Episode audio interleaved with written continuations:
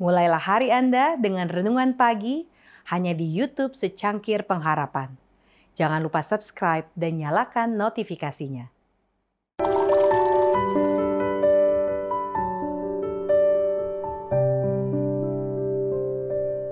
Shalom pemirsa, secangkir pengharapan untuk mengawali hari ini. Pengabdian Paulus. Juga untuk aku, supaya kepadaku jika aku membuka mulutku, dikaruniakan perkataan yang benar, agar dengan keberanian aku memberitakan rahasia Injil yang kulayani sebagai utusan yang dipenjarakan. Berdoalah supaya dengan keberanian aku menyatakannya sebagaimana seharusnya aku berbicara. Efesus 6 ayat 19 dan 20.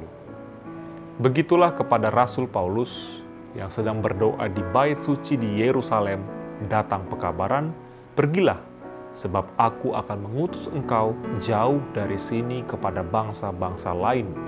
Jadi mereka yang dipanggil untuk bersatu dengan Kristus harus meninggalkan semuanya supaya dapat mengikut dia.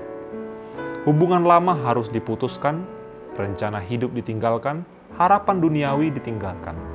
Dengan kerja keras dan air mata, dengan kesepian dan melalui pengorbanan, benih harus ditabur. Mereka yang menyerahkan tubuh, jiwa, dan roh kepada Allah dengan tetap akan menerima karunia jasmani, pikiran, dan kuasa rohani yang baru.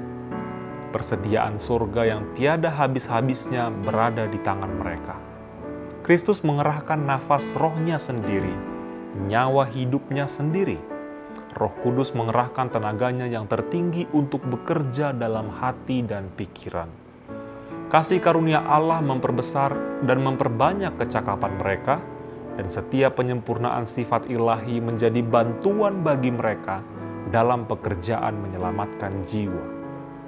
Melalui kerjasama dengan Kristus, mereka dijadikan lengkap di dalam Dia, dan dalam kelemahan manusia, mereka disanggupkan untuk melakukan pekerjaan yang maha kuasa. Banyak yang tidak memperhatikan dan menghargai betapa besar pengaruh setiap orang untuk kebaikan atau kejahatan. Setiap pelajar harus memahami bahwa setiap prinsip yang ia terapkan akan menjadi suatu pengaruh yang hidup dan membentuk tingkah laku. Orang yang menerima Kristus sebagai juru selamat pribadinya akan mengasihi Yesus dan semua orang yang ditebusnya. Karena di dalam Dia, Kristus akan menjadi mata air yang mengalir untuk hidup yang kekal ia akan menyerahkan dirinya tanpa pamrih pada aturan Kristus. Demikianlah renungan kita hari ini. Selalu mulai harimu dengan secangkir pengharapan.